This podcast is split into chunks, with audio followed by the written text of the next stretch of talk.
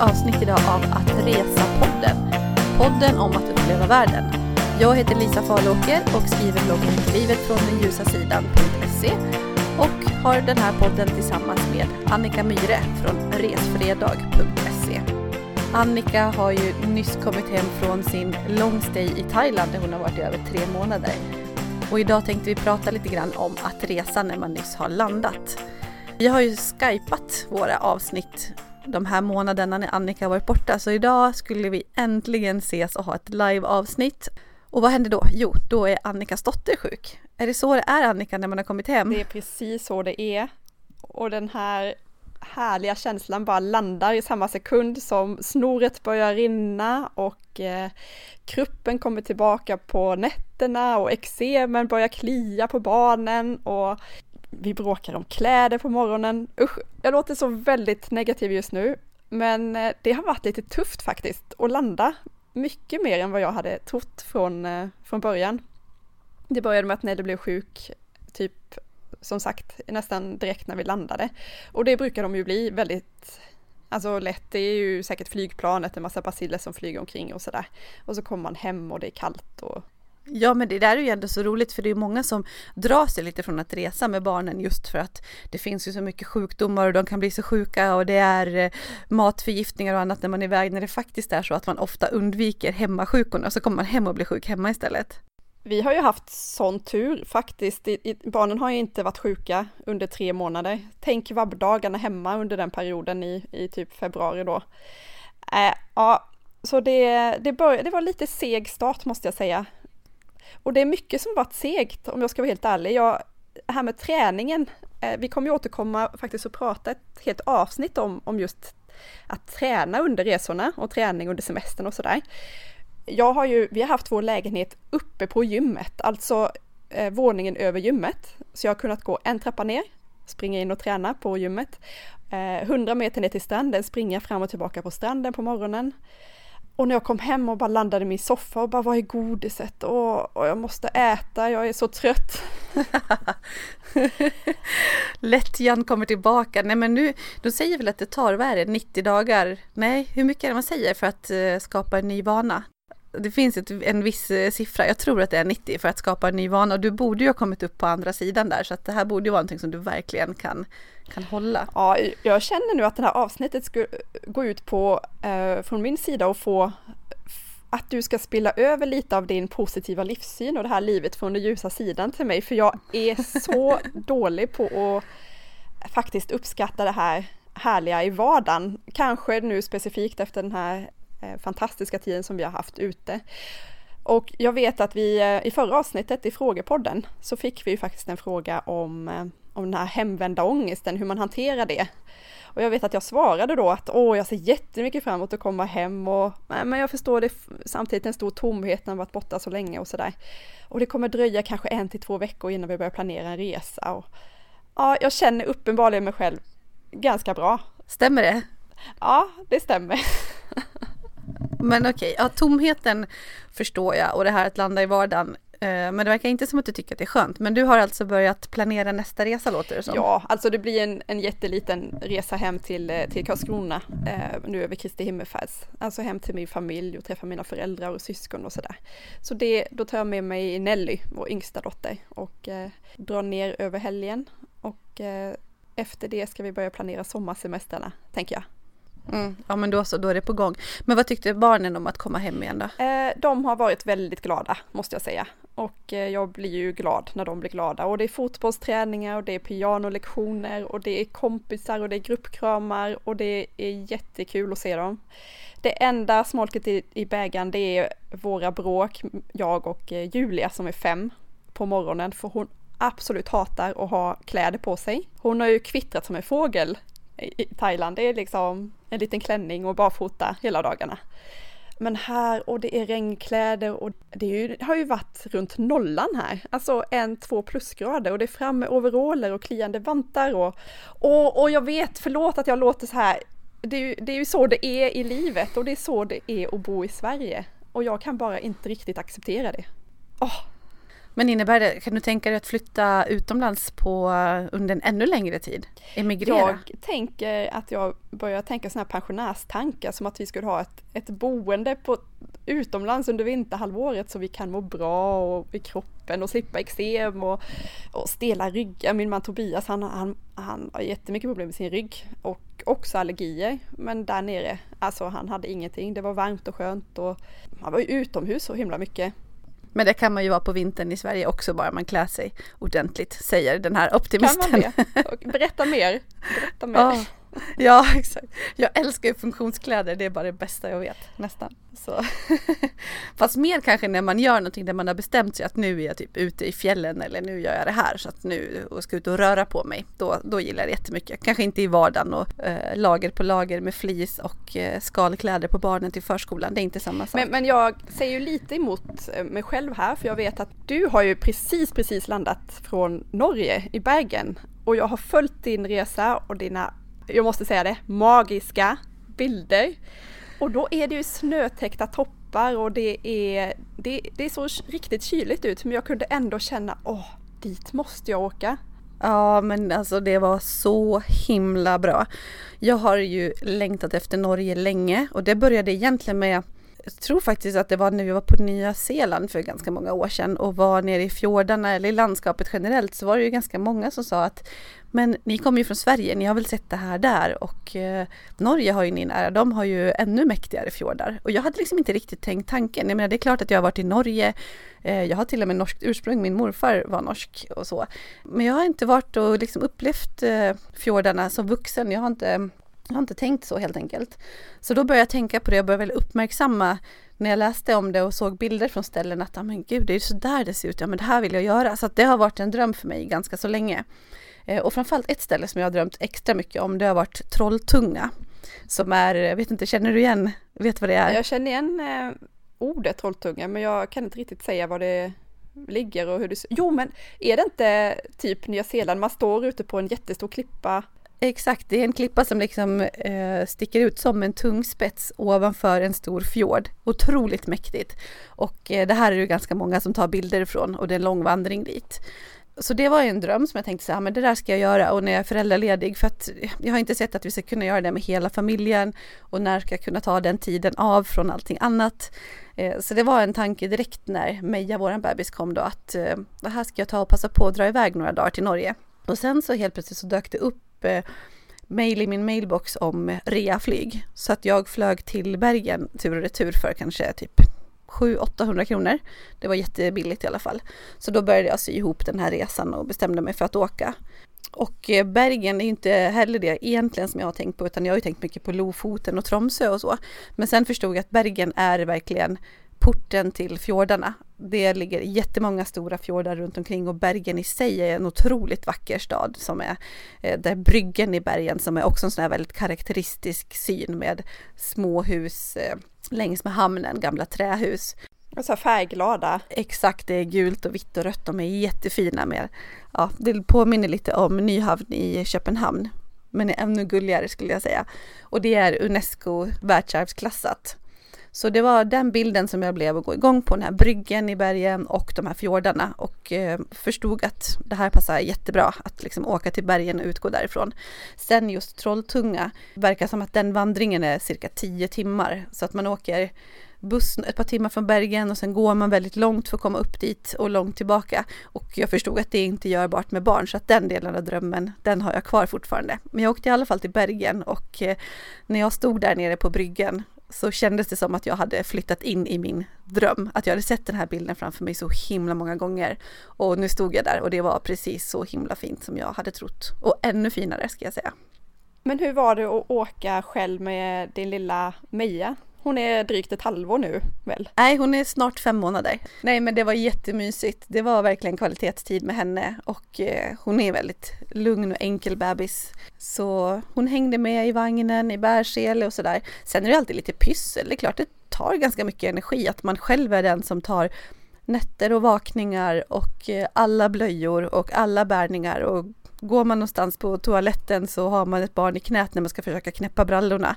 Det är sådana mm. saker som man inte tänker på. Det är ganska trixigt att resa helt själv med ett barn. Du har aldrig någon som du kan säga ta du och kasta ett öga där, jag ska bara springa iväg och hämta ett glas vatten, utan allt du gör så har du ansvar för barnet och barnet på höften när de är så pass små. Men eh, vi hade jättemysigt och hon var ett jättebra resesällskap.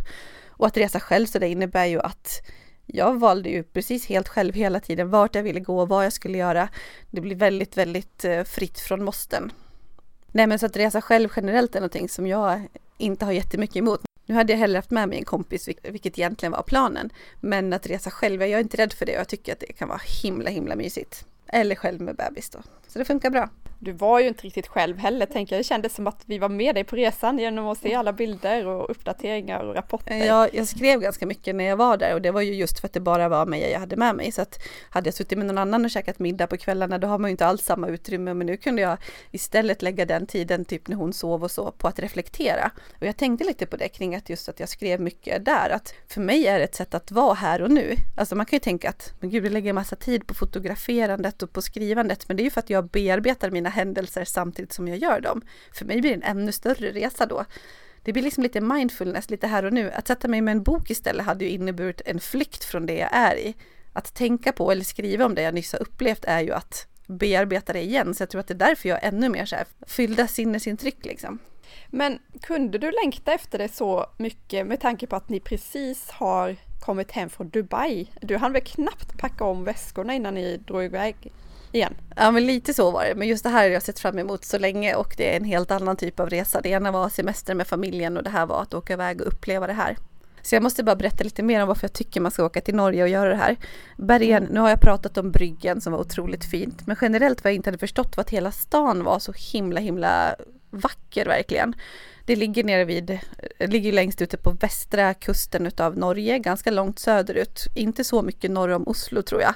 Och du har väldigt mycket vatten i stan och sen är det en medeltidsstad. Du har verkligen det här Hansa-arvet, så det är mycket gamla byggnader precis överallt och som smälter in jättefint med de nyare byggnader du har. Vart du än går i stan så är det otroligt, otroligt fint. Och sen fjordarna. Du har ju pratat om fotona redan och det var verkligen, oh, det var så, så, så vackert. Det finns en fjord som heter Sognefjorden eh, som är världens näst längsta fjord faktiskt. Och den går precis norr om Bergen. Och den har två små armar kan man säga, eller förgreningar, som är Näröjfjord och Arlandsfjord. Och just Näröjfjorden framför allt är också Unesco världsarvsklassad. Det är en av de, eh, vad ska man säga, mest trånga fjordar som finns. Så det är otroligt dramatisk eh, natur. Det är klippor som verkligen störtar rakt ner i vattnet. Och i och med att den är så pass eh, smal så är den också ganska lugn. Så att när jag åkte, vi hade visserligen väldigt fint väder, men då var det verkligen så här spegelblankt som man bara drömmer om dem. Så det var ja, riktig stillhet, vattenfall som porlar på sidorna. Du ser små gårdar på några få ställen ute på klipporna. Superhäftigt. Det är riktigt det är så mörkgrönt vatten. Det är väldigt spektakulärt skulle jag säga. Och den upplevde jag genom att åka på en rundresa där man kombinerar tåg, båt och buss. Så att man åker tåg genom det här landskapet, man åker buss och har det här fantastiska landskapet utanför fönstret. Båt några timmar och ja, det var verkligen en tur där resan är målet. Det var en hel dag med de här upplevelserna. Det var, ja, det var så bra. Men du, vad var det för eh, klientel? Vad hade du för resesällskap på tåg och, och båt och sådär? Vad, vad var medelåldern liksom? Ja, men jag såg lite allt möjligt. Det var väl mycket typ 50-årsåldern, eh, mycket par. Jag hörde inga andra svenskar nästan alls just nu, men nu är det lite försäsong också. Så att jag pratade med en hel del folk och det var allt från Sydamerika till eh, amerikaner, ganska mycket asiater, någon familj men väldigt få. Så det var väldigt många som gullade med min bebis förstås för att det var inte så många andra. Nej men så det var lite blandat men eh, det verkar stämma det här som vi har pratat om tidigare att man reser långt för att få sina upplevelser istället mm. för nära. Jag menar åka från Sydamerika eller USA för att komma till Nor Norge och se fjordar och vi åker till Nya Zeeland för att göra det. Det är ju helt skruvat egentligen. Ja, jag, jag har verkligen tänkt mycket på det sen vi har börjat prata mer och mer om att upptäcka närområdena. Alltså att man är så inställd på att man måste åka så himla långt för att upptäcka och uppleva världen när den ligger precis här. Liksom. Ja men precis. Nej men så det kan jag verkligen rekommendera. Gör Norge, jag fick mer smak. Jag är helt säker på att jag kommer tillbaka till Bergen. Jag kommer säkert göra exakt samma tur igen, den här äh, Norge i ett nötskal runt turen. Det tror jag att jag kommer göra. Och jag har absolut mer smak på både Lofoten och Tromsö. Och det kommer definitivt att få bli Grönland någon gång. Det, jag ser framför mig att det är samma typ av landskap.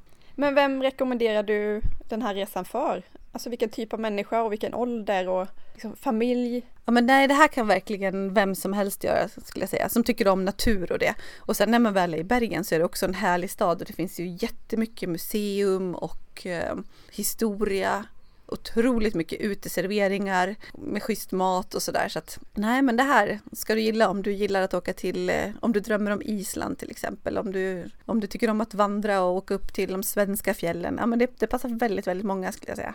Och det är ett lättillgängligt sätt att göra det. Åt du någon god mat Lisa? Nej, jag hade inte så mycket fokus på maten här. Sen är Norge väldigt dyrt så jag hade med mig lite så här mellanmål hemifrån som jag hade med i min packning. Och, för jag visste att jag skulle vara ute ganska länge så, så att jag inte skulle behöva handla. Eh, jag köpte typ en korv med bröd till lunch, den kostar 50 spänn. Oj, ja, sen åt jag på hotellet lite om kvällarna för då kom man hem och var jättetrött så att vi landade där och sen gick ut och satte oss på bryggen och tog en kaffe på uteserveringen. För det var faktiskt så varmt, det var typ 10 grader i, i skuggan så att i solen var det bra varmt. Alltså ibland tog jag av mig jackan till och med så att även om det ser krispigt ut på bilderna så var det krispigt men inte kallt. Men då hade jag väldigt tur. I Bergen så regnar det 270 dagar om året så att eh, man ska vara beredd att ha med sig sina skalkläder när man åker dit. Ja, jag vet och det är lite så här, jag vet, jag läste kommentarerna i din blogg att eh, just turen med vädret, för jag tänker att nu, nu kommer du marknadsföra det här så stenhårt och ja. så kommer man dit och så bara, men det är ingen klarblå himmel, det var det ju på Lisas ja.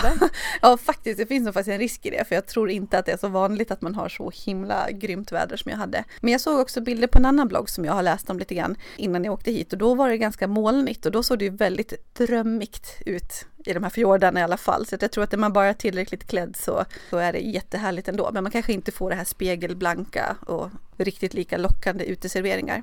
Men samtidigt har du ju Golfströmmen där utanför så det är ju inte så att eh, Bergen i sig är jättekallt på något sätt. Även om det regnar mycket.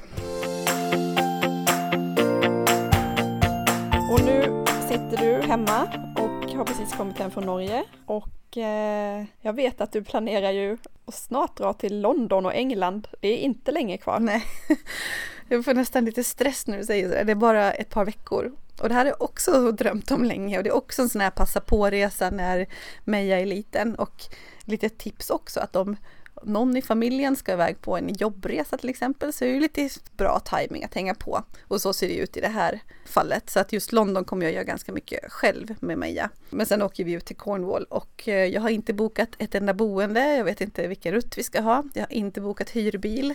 Ja, jag har en flygbiljett men jag väntar på att du ska skicka lite tips till mig. ja, jag ska göra det. Jag ska skicka över lite länkar. Ja.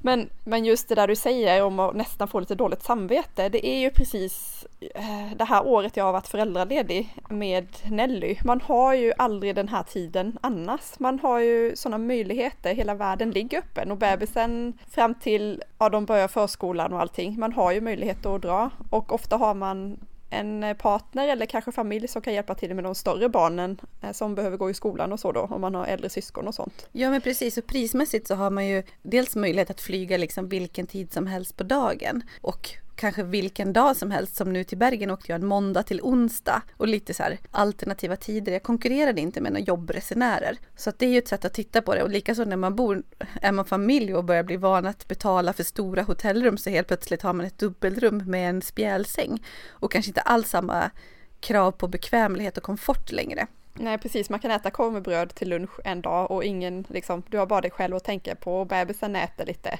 små grejer bara och jag ammade länge också. Så att, eh, ja. Ja, precis. Men eh, jag ska börja förbereda mig för England, men det Ja, jag vet inte, det blir för mycket saker så blir det ju en urladdning i det också. Men det här har jag sett fram emot jättelänge och är någonting som, som jag och min man då har pratat om att göra ända sedan långt innan Meja kom, liksom när jag väntade henne att ja, det ska vi passa på passa på att göra. Men sen då, är det lugnt sen? Ja, i sommar kommer vi vara hemma så att eh, det blir inga, inga bokningar då. Det ska bli jätteskönt också. Jag älskar svenska sommaren så att det, det blir bra. Men sen har ju vi en långresa som vi funderar på till vintern som är det som vi satsar mycket på. Eh, där vi har funderat på Bali eller Filippinerna. Det är det som ligger närmast till hands för att vi har lite längre tid på oss och ska, ska passa på. Men jag kan inte välja vilket utav det. Har du någon rekommendation?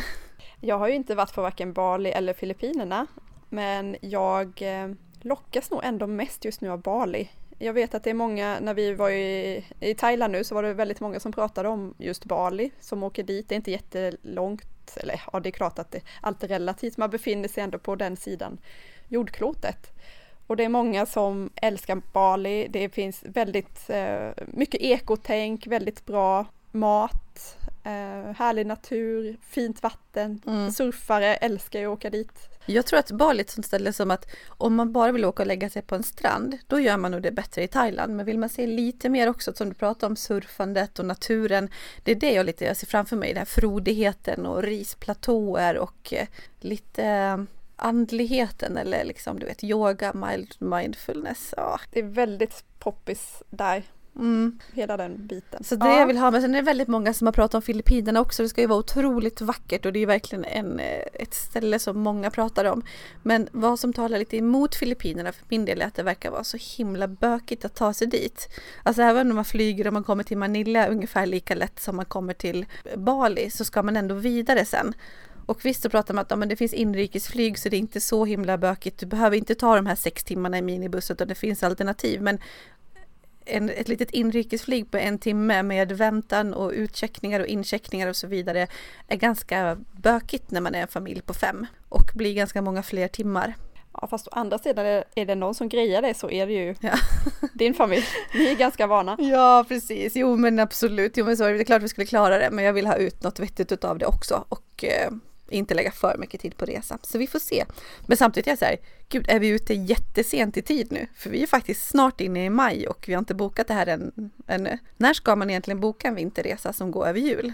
Ja, frågar du, du andra svenskar tänkte jag säga, så är framförhållning väldigt, väldigt viktigt. Och jag vet att när vi skulle börja kolla på Thailand där, eh, då var vi ute då tyckte vi att vi var ute i ganska god tid, kanske åtta månader, sju, ett halvår någonting. Men då var ju allt bokat sen över ett år tillbaka, alltså boendena och eh, även flygbiljetter, det bokas minst ett år i förväg. Mm. Så jag tror att eh, Ja, ja, det går att hitta jättebra grejer men ni når inte ute i sådär supergod tid skulle jag tro. Jag tror att vi är ute i riktigt dålig tid faktiskt och eh, jag ska ta tag i det här nu och sen så inser jag också att det är, eh, det är ganska svårt Alltså det finns ju många olika mellanlandningar och man kan göra det på olika sätt det här eh, resan dit och vi är ju inte jätteberoende av att åka en viss dag heller så att jag ska ta och knalla in till en eh, resebyrå och få lite hjälp med att leta biljetter. De är duktiga på det. Men, men du brukar vara ute i, i bättre tid än så här, eller hur? Ja, alltså just om vi har en långresa på vintern, vilket vi brukar försöka göra ungefär varannat år,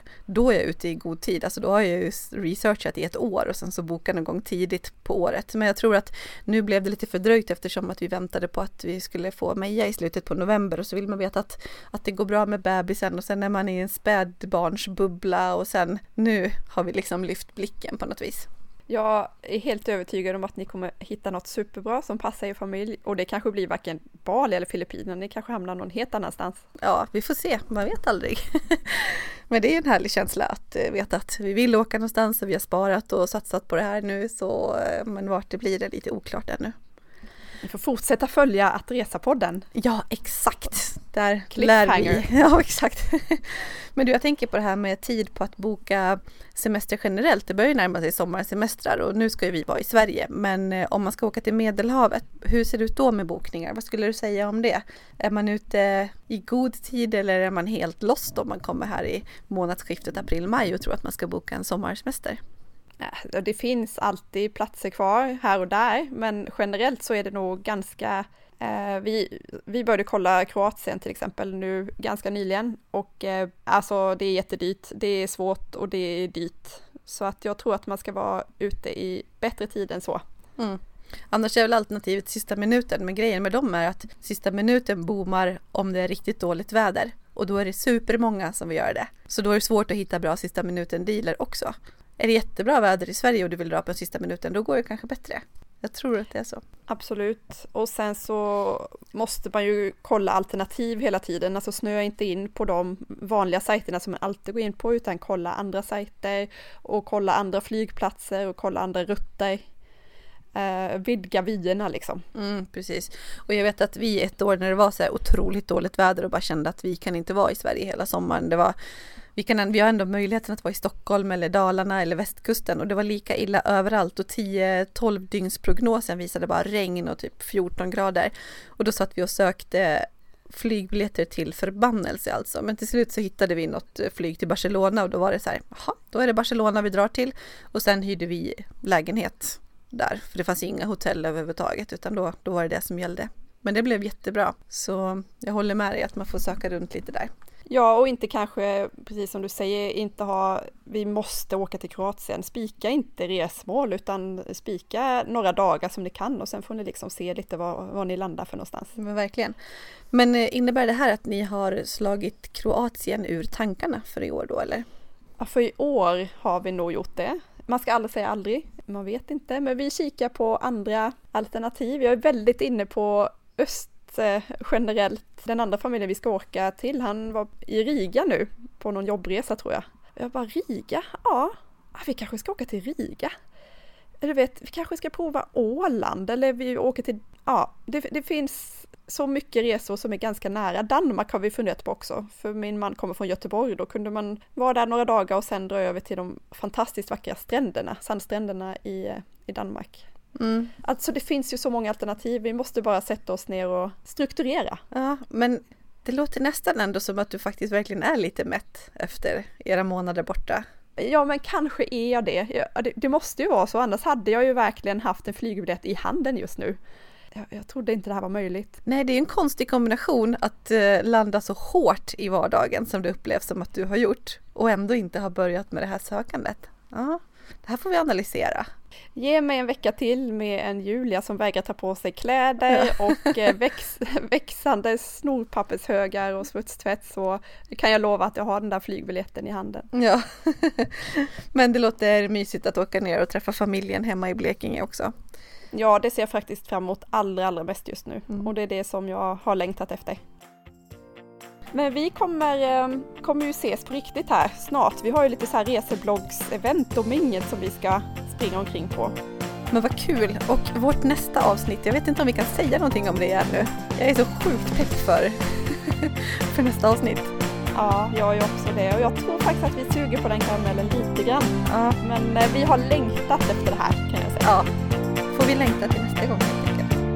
Ja, vi får vänta en liten stund. Ja. Men eh, tack för idag Annika. Men tack Lisa, ja. hoppas att eh, vi ses snart ja. Och krya på Nelly. Mm, tack så mycket. Vi hörs. Hej då. Hej.